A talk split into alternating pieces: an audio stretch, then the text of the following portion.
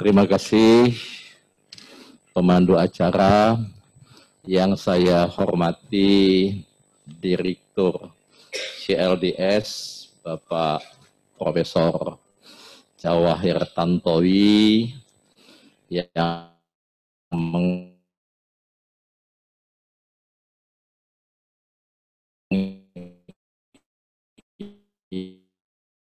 inisiasi kegiatan ini co-host dari webinar yang insya Allah sangat bermanfaat.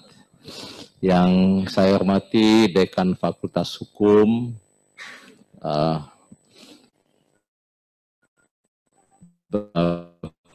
Pak uh, sambutannya, para pembicara dan peserta webinar yang berbahagia. Syukur Alhamdulillah ya. Kita bisa bertemu di dalam forum ini yang insya Allah sebagaimana tadi disampaikan oleh Bapak Dekan, kita ingin melaksanakan tugas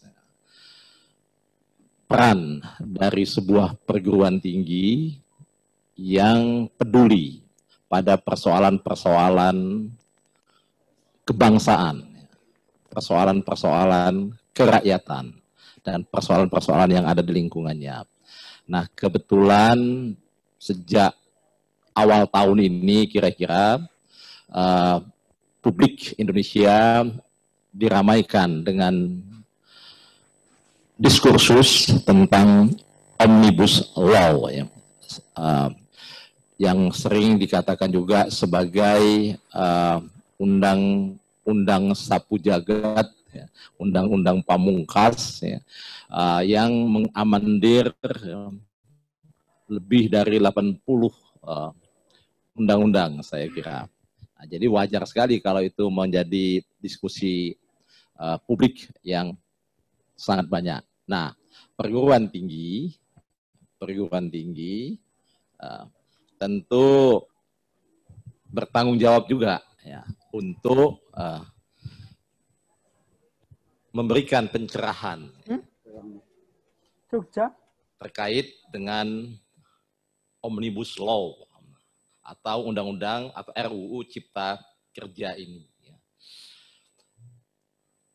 Dan ini juga uh, kita ingin menunjukkan ya kampus bukan berada pada Menara Gading, ya, Ivory Tower yang sering dialamatkan kepada kampus yang asik dengan dirinya sendiri.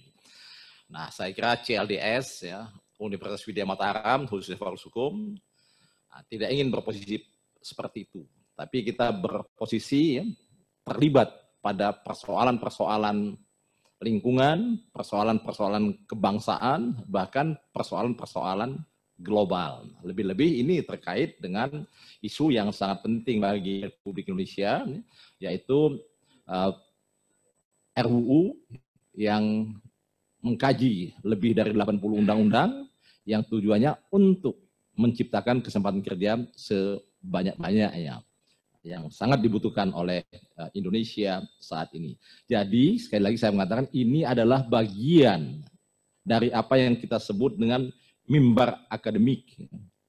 Yang ini dimiliki kewenangannya, otoritasnya oleh guru besar, oleh dosen, ya, atau uh, tenaga pendidik, ya, untuk berbicara sesuai dengan lingkup keahliannya. Nah, ya, nah termasuk ya, ya kalau kita bicara tentang eh, RUU Cipta Kerja ini ya keahlian yang terlibat banyak sekali walaupun ini aspek hukum, tapi uh, kontensnya itu mencakup hampir semua aspek ya, kehidupan. Ya. Ada persoalan ekonomi, ada persoalan lingkungan, ada persoalan uh, yang terkait dengan kedokteran, kesehatan, dan sebagainya. Nah, saya kira semua pembicara di sini, insya Allah itu kompeten, kompeten itu. Kita tidak ingin uh, berbicara pro dan kontra selesai, tidak yang kita inginkan adalah kita pro dengan nalar, kita kontra dengan nalar, ya, dan tidak bersikap ofensif dan defensif, tetapi berusaha untuk uh, mencari titik temu, ya, sehingga nanti kalau ini jadi performulasikan undang-undang yang baik, yang sesuai dengan uh, tujuan dibentuknya atau dibuatnya undang RUU atau undang-undang cipta kerja nantinya kalau setujuin. Tetapi kalaupun tidak disetujuin, kita juga harus open minded menerima itu. Ya.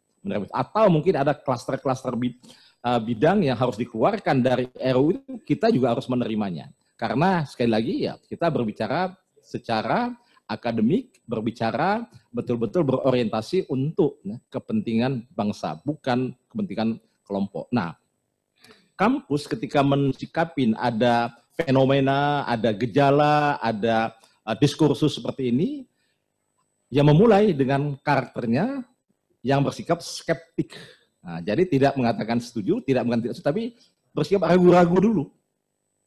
Bertanya-tanya ya, apa betul, apa salah, ya, dikaji.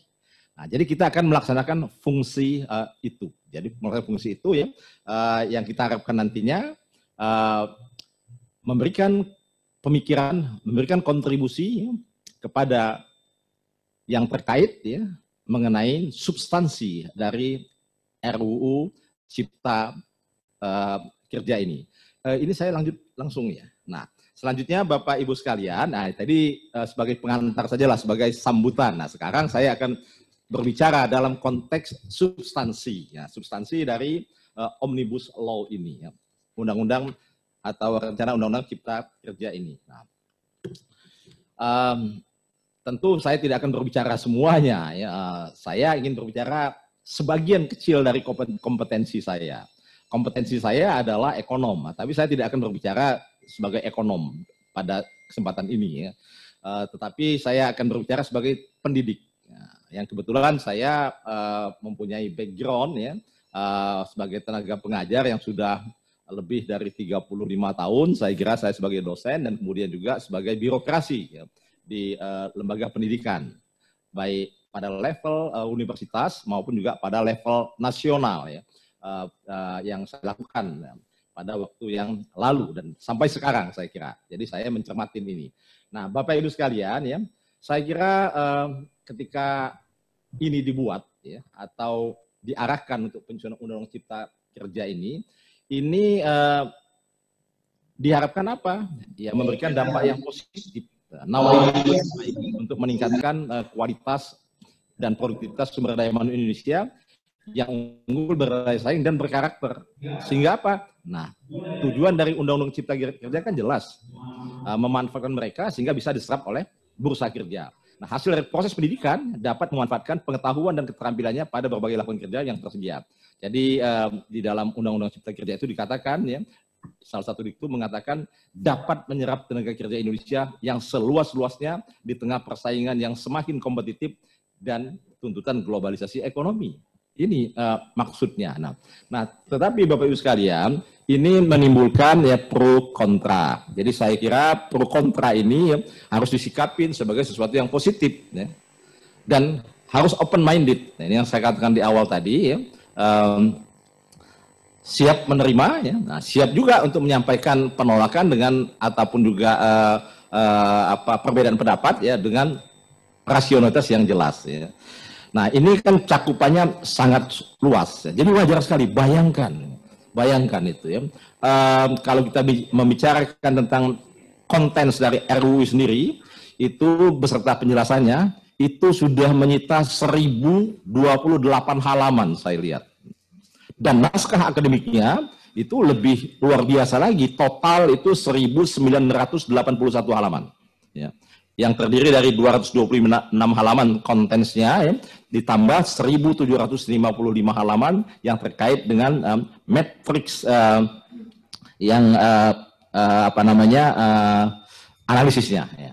Jadi matrix analisisnya lebih dari 1700 halaman. Jadi bayangkan ya dan mencakup uh, aspek yang sangat luas ya tadi yang saya katakan itu terkait dengan ekosistem investasi terkait dengan apa namanya kemudahan perlindungan dan pemberdayaan UMKM ya uh, juga kooperasi tentunya ya.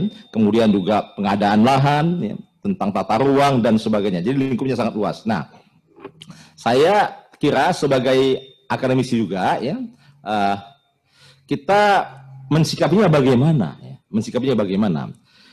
Ya sejatinya tentu niat pemerintah mengajukan omnibus law ini sangat baik, utamanya meningkatkan, saya katakan tadi, kesempatan kerja dan berusaha.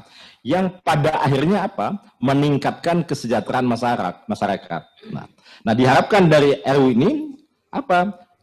Kalau nanti diundangkan itu menimbulkan daya tarik ya, dan kepastian bagi para investor dan pelaku ekonomi untuk berusaha sehingga aktivitas investasi itu meningkat. Kalau investasi meningkat artinya apa? Kegiatan produksi juga berkembang. Kemudian apa? Kalau produksi berkembang ya demand for labor, permintaan tenaga kerja juga naik ya.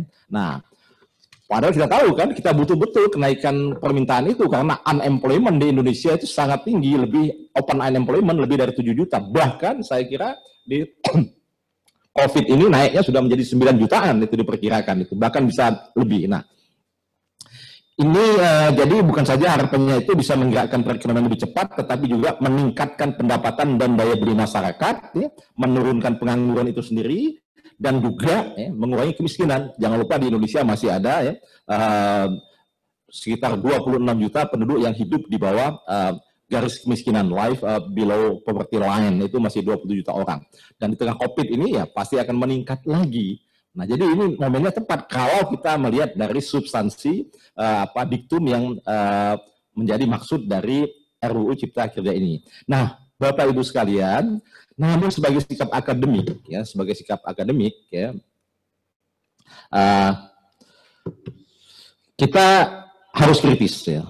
Tadi saya katakan skeptik ya, terhadap RUU ini ya, terhadap RUU Cipta Kerja ini. Jadi walaupun kita meyakini, nah ini pengalaman empirik, walaupun kita meyakini niat baik dari suatu pembuat undang-undang, apakah itu pemerintah, apakah itu wakil rakyat di lembaga legislatif, ya, namun pengalaman empirik, ya, pengalaman empirik di mana pun juga ada yang berusaha untuk memetik keuntungan dari suatu penyusunan kebijakan seperti ini. Ada yang berperilaku yang kita sebut sebagai free riders, rent seekers, ya, rent seeker activities gitu ya. Um, jadi ada yang masuk kepentingannya dengan berbagai cara dalam suatu regulasi untuk apa? Untuk memperoleh keuntungan ekonomis ataupun juga keuntungan non ekonomis ya, dari regulasi tersebut. Apalagi regulasinya begitu uh, komprehensif seperti uh, omnibus law ini. Oleh karena itulah sikap kritis, hati-hati juga, ya, namun dengan tetap open minded sangat diperlukan ya dalam pembahasan rencana undang-undang seperti ini. Nah, oleh karena itulah untuk mensikapi ini ya, kita hari ini dan juga saya kira pandangan saya sendiri tidak ingin sekedar menerima menolak atau pro kontra, setuju tidak setuju. Namun diperlukan sikap dan dukungan nalar untuk melengkapi berbagai pandangan tadi. Bisa setuju, bisa tidak setuju, namun juga bisa bersepakat dengan berbagai perbaikan, dengan modifikasi. Ya. Jadi uh, banyak pilihan. Ya. Uh, atau juga dengan meminimalkan kemungkinan dampak negatif yang diperkirakan akan timbul. Nah, demikian juga Bapak Ibu sekalian. Nah, ini saya selalu uh, berhati-hati dalam hal yang seperti ini. Ya. Kita juga harus melihat momen waktunya, ya, momen waktunya. Enggak bisa kita memaksakan misalnya dengan tenggat waktu yang pendek, ya. atau ingin secepatnya saja. Nah, karena ini membutuhkan pembahasan yang memadai sehingga pembahasan itu bisa komprehensif ya. Nah, kita melihat sekarang ini ada COVID-19, COVID-19. Nah, ini juga harus diperhitungkan dalam pembahasan agar tidak apa kontraproduktif malah jadinya. Nah, nah ini sudah muncul juga kan resistensi ya, dengan mengal, meng, meng, apa, uh, meng, memberikan alasan terkait dengan COVID-19 ya. Nah, walau bisa juga kita uh, mengatakan adanya COVID-19 justru memberikan dorongan untuk percepatan ya karena apa? COVID-19, COVID-19 itu menimbulkan banyak masalah pengangguran, menimbulkan banyak masalah kemiskinan misalnya, banyak PHK dan sebagainya sehingga justru undang-undang ini semakin dibutuhkan. Tapi ini semua bisa kita diskusikan. Nah, satu hal, nah, ini sebelum saya melanjutkan substansi yang lain ya, uh, Bapak Ibu sekalian ya, uh, juga harus diperhatikan ya uh, kemungkinan adanya situasi zero sum game kata ekonom itu. Artinya kebijakan ini dibuat ada yang diuntungkan, ada yang dirugikan. Harapannya tentu Pareto optimality. Ya, artinya uh, kita berada pada equilibrium keseimbangan ya sehingga semuanya itu uh, berada pada posisi yang uh, baik gitu ya optimum ya optimum itu kalau Pareto optimal.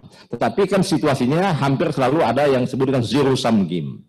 Ketika ini dilakukan ada pihak yang diuntungkan ada pihak yang dirugikan. Misalnya terkait dengan PHK misalnya ya. Nah, itu pasti uh, uh, uh, ada yang untung ada yang rugi. Nah ini harus sudah diantisipasi ya. Bagaimana membantu mereka yang menjadi korban misalnya nanti dari undang-undang cipta kerja ini. Karena itulah perlu ada dipikirkan skim-skim untuk membantu yang menjadi korban tersebut termasuk skim bantuan subsidi misalnya. Insurance atau asuransi atau yang lain-lainnya lah gitu ya. Um, mereka yang terdampak dari undang-undang cipta kerja nantinya itu harus sudah diantisipasi. Nah, Bapak Ibu sekalian, uh, saya ingatkan saya apa namanya uh, ulangi lagi ya, karena cakupannya sangat luas ya. Saya hanya akan uh, masuk dalam wilayah uh, pendidikan sajalah ya. Uh, di pendidikan sendiri kita melihat itu uh, uh, pada paragraf 12 ya dikatakan itu ada enam undang-undang yang di, di, di amandemen yang kebetulan saya kira saya terlibat semua eh, artinya concern semua dengan undang-undang ini ketika awal-awal dilahirkan ya uh, undang-undang Sisdiknas gitu ya uh, tahun 2003 kemudian undang-undang guru dan dosen tahun 2005 misalnya undang-undang apa namanya pendidikan tinggi 12 tahun 2012 itu saya terlibat diskusi ya dan memberikan masukan ya dan juga memberikan wacana-wacana di media massa itu saya berikan ya. Nah, Nah, maka jika kita melihat undang-undang di atas, ya, nah kita melihat juga, ya, undang-undang itu ada yang sudah sangat atau relatif tua, gitu ya. Misalnya tadi yang saya sebut undang-undang Sisdiknas itu tahun 2013. Artinya sudah 17 tahun dan perkembangan dunia pendidikan itu sangat pesat. Ya wajar kalau itu uh, perlu di amandemen ya. Sudah 17 tahun ya kira-kira ya. Atau undang-undang guru dan dosen sudah 15 tahun. Artinya dengan masa waktu yang panjang ya dan pada waktu kurun waktu tersebut ya perkembangan sangat dinamis ya uh, di dunia pendidikan ya wajar kalau ada upaya untuk melakukan perubahan. Nah hal yang positif nah saya melihat ya, beberapa aspek positif dari undang-undang cipta kerja ini ya. Uh, misalnya apa memberikan kepastian atas kebijakan atau regulasi yang ada. Selama ini apa? Seringkali kita uh, uh, di, di pendidikan itu dunia pendidikan ada ada gium yang agak sinis ya. Oh ganti menteri, ganti kebijakan ya karena menteri punya otoritas yang kuat dengan mengeluarkan permen. Nah sekarang beberapa permen itu uh, diganti dengan peraturan pemerintah Nah, jadi secara regulasi lebih kuat ya permen. Nah, ini sisi positifnya tadi memberikan kepastian. Tapi juga ada sisi negatifnya, ini Prof. Jawahir bisa juga dianggap, oh ini kok kita semakin sentralistik, semakin sentralistik, semakin birokratis. Tapi saya ingin melihat uh, aspek uh, positifnya dulu ya. Jadi dengan naungan PP maka siapa pun yang menjadi menteri tidak bisa serta-merta misalnya bisa membuat suatu kebijakan. Misalnya dalam Undang-Undang Nomor 12 ya, pasal 33 tentang program, program studi. Yang kewenangannya diatur dengan permen ya, dalam RUU Cipta Kerja itu diatur oleh peraturan pemerintah ya. Nah, saya kira saya uh, ya banyak terkena ya uh, dalam dalam apa kapasitas saya dulu sebagai apa rektor ya atau bahkan sebelum sebagai dekan itu ya. Um, dan juga sebagai orang yang mengurusin banyak perguruan tinggi di um, um, lembaga Muhammadiyah itu berkepentingan dengan ini gitu ya berkepentingan dengan kepastian ya. dalam dunia ekonomi juga ya kepastian itu dibutuhkan juga oleh uh, pelaku-pelaku ekonomi ya. nah kemudian juga saya kira positif ya uh, uh, pasal 60 ya uh, yang diubah tadinya kan PTN didirikan oleh pemerintah ya, misalnya nah artinya apa kalau pemerintah itu kan bisa pusat bisa daerah nah, saya lihat di dalam uh, pengertiannya itu tidak ada pengertian siapa pemerintah itu. Nah artinya ini kan bisa menimbulkan uh, sesuatu yang uh, tidak pasti juga. Pemda bisa membuat nantinya uh, universitas misalnya gitu kan. Bayangkan kalau misalnya Pemda uh, kabupaten kota boleh, itu kan kita bisa punya 500 dan lebih ya nanti uh, PTN tam baru gitu misalnya itu ya. Nah, walaupun itu belum terjadi karena di daerah-daerah ketika membuat perguruan tinggi itu adalah PTS. Di sini ditegaskan yang dimaksud ini adalah uh, kalau mendirikan PTN itu oleh pemerintah pusat, jadi bukan uh, local government. Ya. Uh, jadi ini tidak menimbulkan multi tafsir. Ya. Hal lain misalnya pasal 65 itu tentang sisdiknas. Ya. Nah, uh, yang hanya mewajibkan lembaga pendidikan asing, oh maaf, pasal 65 Undang-Undang Nomor 12 ya tentang apa pendidikan tinggi ya. Yang hanya mewajibkan lembaga pendidikan asing pada tingkat dasar dan menengah. Oh, sorry. Uh, saya kira Undang-Undang sisi. Uh, uh, hanya mewajibkan lembaga pendidikan asing pada tingkat dasar dan menengah memberikan pendidikan agama dan kewarganegaraan bagi anak di Indonesia. Jadi hanya agama ya uh, dan kewarganegaraan. Nah, dalam Undang-Undang RUU Cipta Kerja itu ditambah dengan muatan bahasa Indonesia. Jadi bukan hanya agama dan keluarga negaraan. Jadi bagus juga. Ya. Uh, jadi kalau anu ya wajib itu uh, uh, apa pelajaran bahasa Indonesianya. Hanya saja mungkin perlu didefinisikan perbedaan antara antara muatan dan mata pelajaran ya. Uh, saya khawatir juga kalau itu muatan itu mereduksi makna dari mata pelajaran. Nah, jadi tidak sesuai targetnya. Tapi betul-betul itu uh, diajarkan lah tiga mata kuliah tadi. Jadi Bapak Ibu sekalian ya banyak ya aspek positif dari undang RUU Cipta Kerja ini. Nah, namun demikian juga nah, saya mencatat banyak hal yang juga menjadi concern saya belasan tahun yang lalu ya, yang harus menjadi perhatian dan perlu dikritisi. Jadi kalau saya mengatakan itu concern saya sudah belasan tahun ya yang lalu, ya jejak digitalnya bisa dilihat ya. dari statement-statement saya di media nasional uh, ataupun juga dari uh, tulisan-tulisan saya sendiri ya terkait dengan isu yang akan saya sampaikan ini yaitu isu komodifikasi pendidikan yang menurut saya agak kental di dalam RUU Cipta Kerja ini. Um, uh, dulu uh, saya kan menjabat sebagai Ketua Forum Rektor Indonesia dan Ketua APTISI ya Asosiasi Perguruan Tinggi Swasta Indonesia Ketua Badan Kerjasama Perguruan Tinggi Islam Swasta Indonesia. Jadi saya uh, concern dengan isu-isu seperti ini. Jadi sudah ada jejak digital saya. Gitu ya. Nah, jadi saya khawatir ya, kalau ada komodifikasi atau mengkomoditaskan pendidikan. Ya. Nah, uh, dalam RUU CK ini, RUU Cipta Kerja ini, yang telah melonggarkan apa? Prinsip nirlaba. Saya kira tolong nanti teman-teman juga bisa mendiskusikan. Sangat rigid Eh, kewajiban tentang lembaga pendidikan itu harus direlaba, baik di dalam Undang-Undang Sisdiknas maupun juga di dalam Undang-Undang Pendidikan Tinggi. Jadi Undang-Undang nomor 12 eh, tahun 2012 ya. Nah, jadi di dalam RUU Cipta Kerja itu menjadi sebaliknya gitu ya.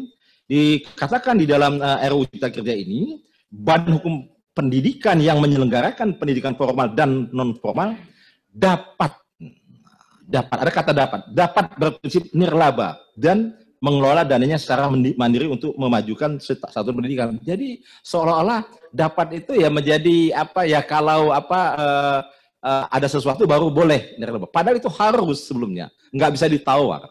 Jadi kalau kita ingin membuat apa lembaga pendidikan, maka badan penyelenggaranya inilah yang uh, menjamin bahwasanya ini akan berprinsip nirlaba ya. Nah, jadi ini sangat mudah ditafsirkan ya Ya, sejatinya penyelenggaraan pendidikan adalah bersifat laba. Jadi kalau ini disepakati, uh, tetapi juga diperbolehkan nirlaba. Tapi prinsipnya adalah laba. Uh, jadi nirlaba itu diperbolehkan. Padahal kalau sekarang no choice, uh, should be non-profit motif ya itu ya.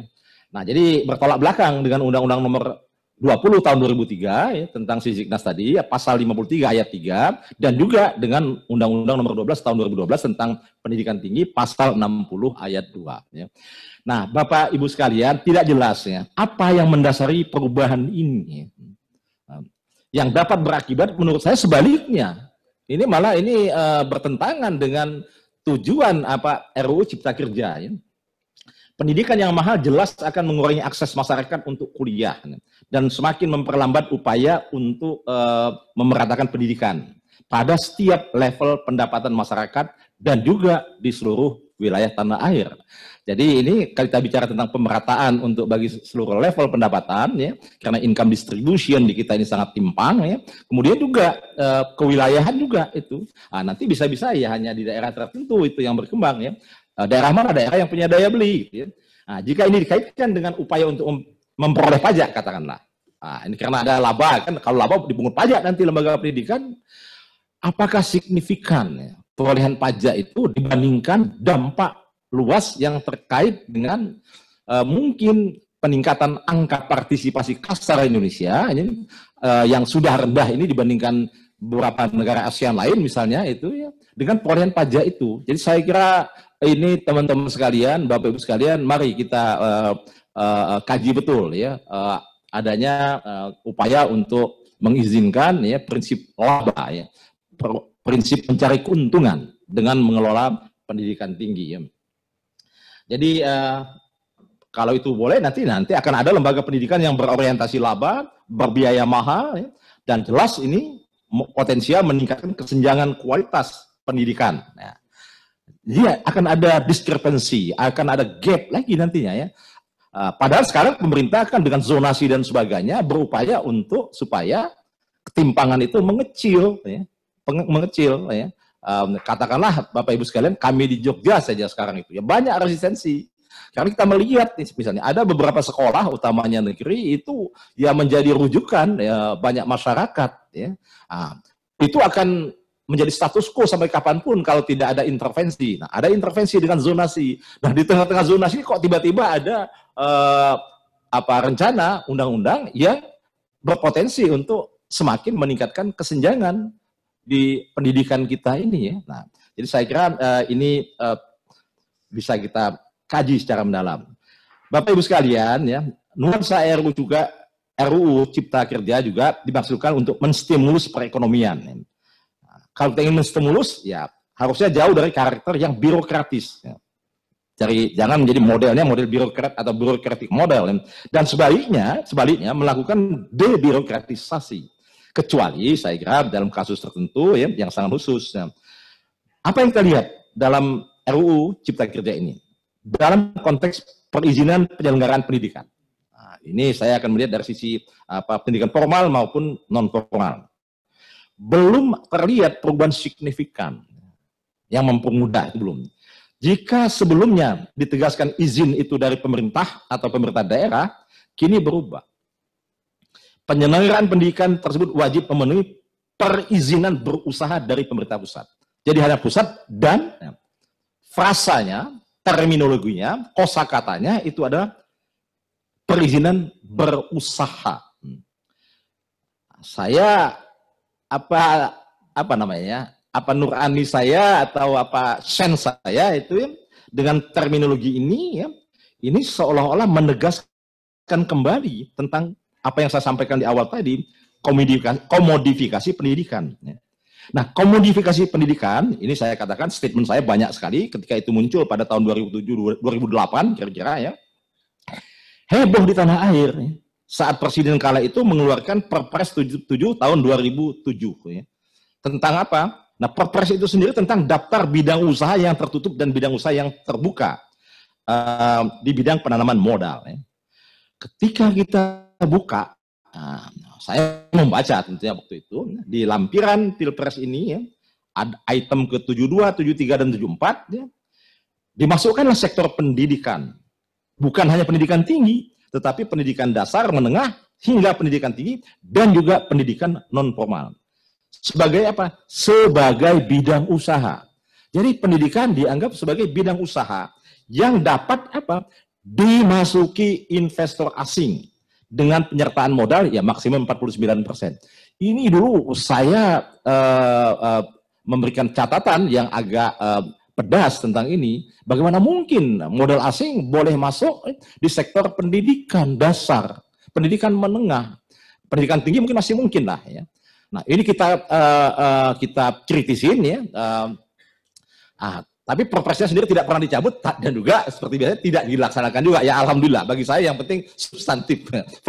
Formalistik nggak dicabut, tetapi substansi nggak dijalankan juga. Ya. Artinya didengarkan juga lah itu ya. Biasalah kita kadang-kadang kan pemerintah juga uh, apa namanya ya uh, nggak ingin melangkah mundur ya. Nah artinya apa? Dengan perpres itu bidang pendidikan sudah menjadi suatu bidang usaha perdagangan atau jasa yang tidak begitu berbeda dengan bidang lainnya. Saya khawatir ya, RUU Cipta Kerja ini posisikan pendidikan seperti itu juga. Ya. Karena untuk mendirikannya tadi kan dibutuhkan misalnya perizinan berusaha, ya. Perizinan berusaha menggunakan frasa yang demikian.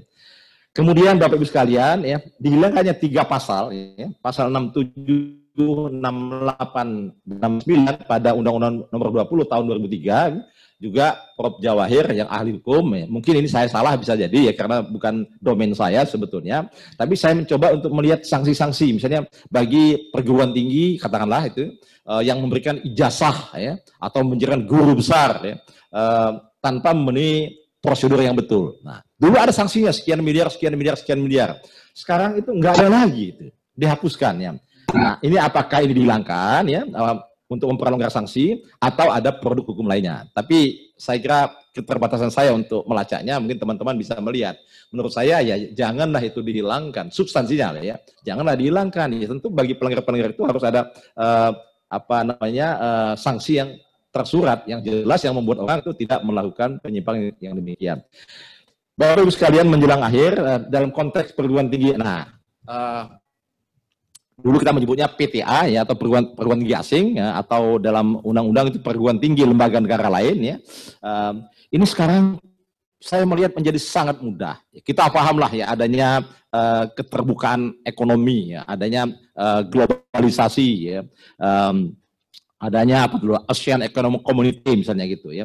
Uh, ini tetapi ada hal-hal yang menurut saya itu justru bertentangan ya, dengan semangat Undang-Undang Cipta Kerja ya, yang ingin menyerap ya, angkatan kerja kita ataupun tenaga kerja kita sebanyak-banyaknya ya, supaya tidak menganggur kira-kira begitu. Kenapa? PTA dibuka dengan berbagai perubahan dibandingkan dengan undang-undang yang lalu misalnya. Apa misalnya itu? Mereka sekarang boleh itu berprinsip laba. Oke, cari untung boleh dia sekarang itu. Tetapi tidak lagi harus boleh kerjasama dengan perguruan tinggi lokal. Tadinya tersurat. Harus bekerjasama dengan perguruan tinggi Indonesia.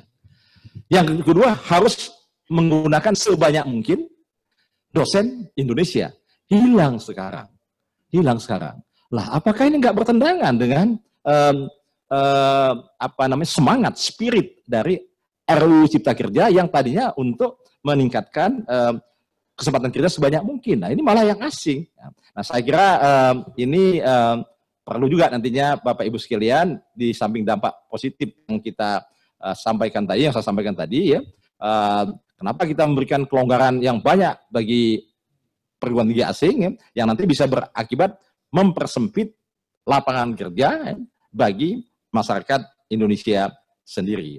Bapak uh, Ibu sekalian ya, jadi uh, saya kira itu sajalah ya dari saya ya um, sebagai catatan pinggir sajalah.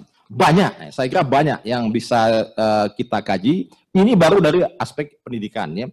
Jadi banyak pasal-pasal yang perlu kita kritisi terkait uh, enam undang-undang di bidang pendidikan tadi. Yang saya sampaikan itu hanya sekedar sinyal sajalah atau warning ya.